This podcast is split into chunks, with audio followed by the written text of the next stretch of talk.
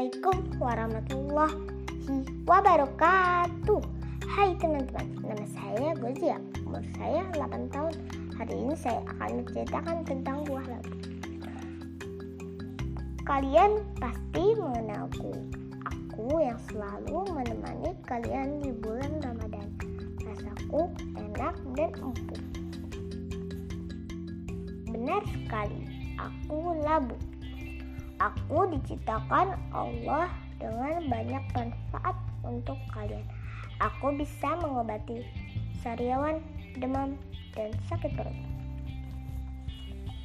Aku salah satu buah yang sangat beruntung karena disebut di dalam Al-Quran surat As-Safat ayat 146 yang itu ketika Allah bercerita kisah Nabi Yunus.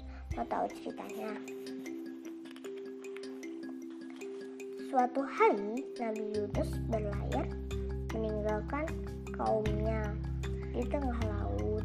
Kapal yang ditumpanginya oleng karena terlalu banyak muatan. Kapten kapal dan seluruh penumpang sepakat melakukan undian. Siapa yang namanya muncul dalam undian maka harus terjun ke laut meninggalkan kapal.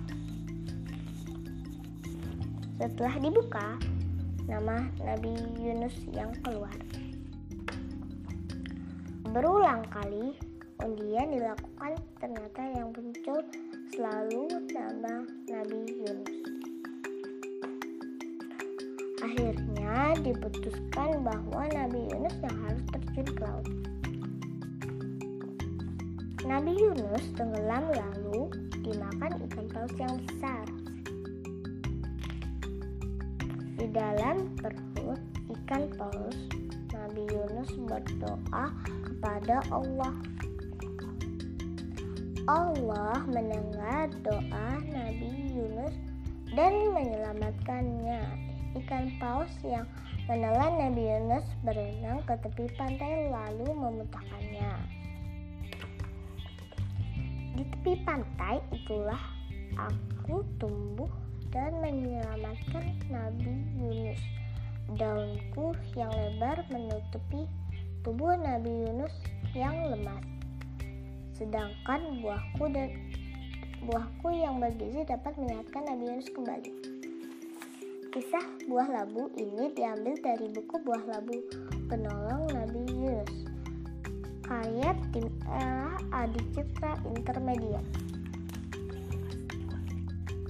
Terima kasih. Wassalamualaikum warahmatullahi wabarakatuh.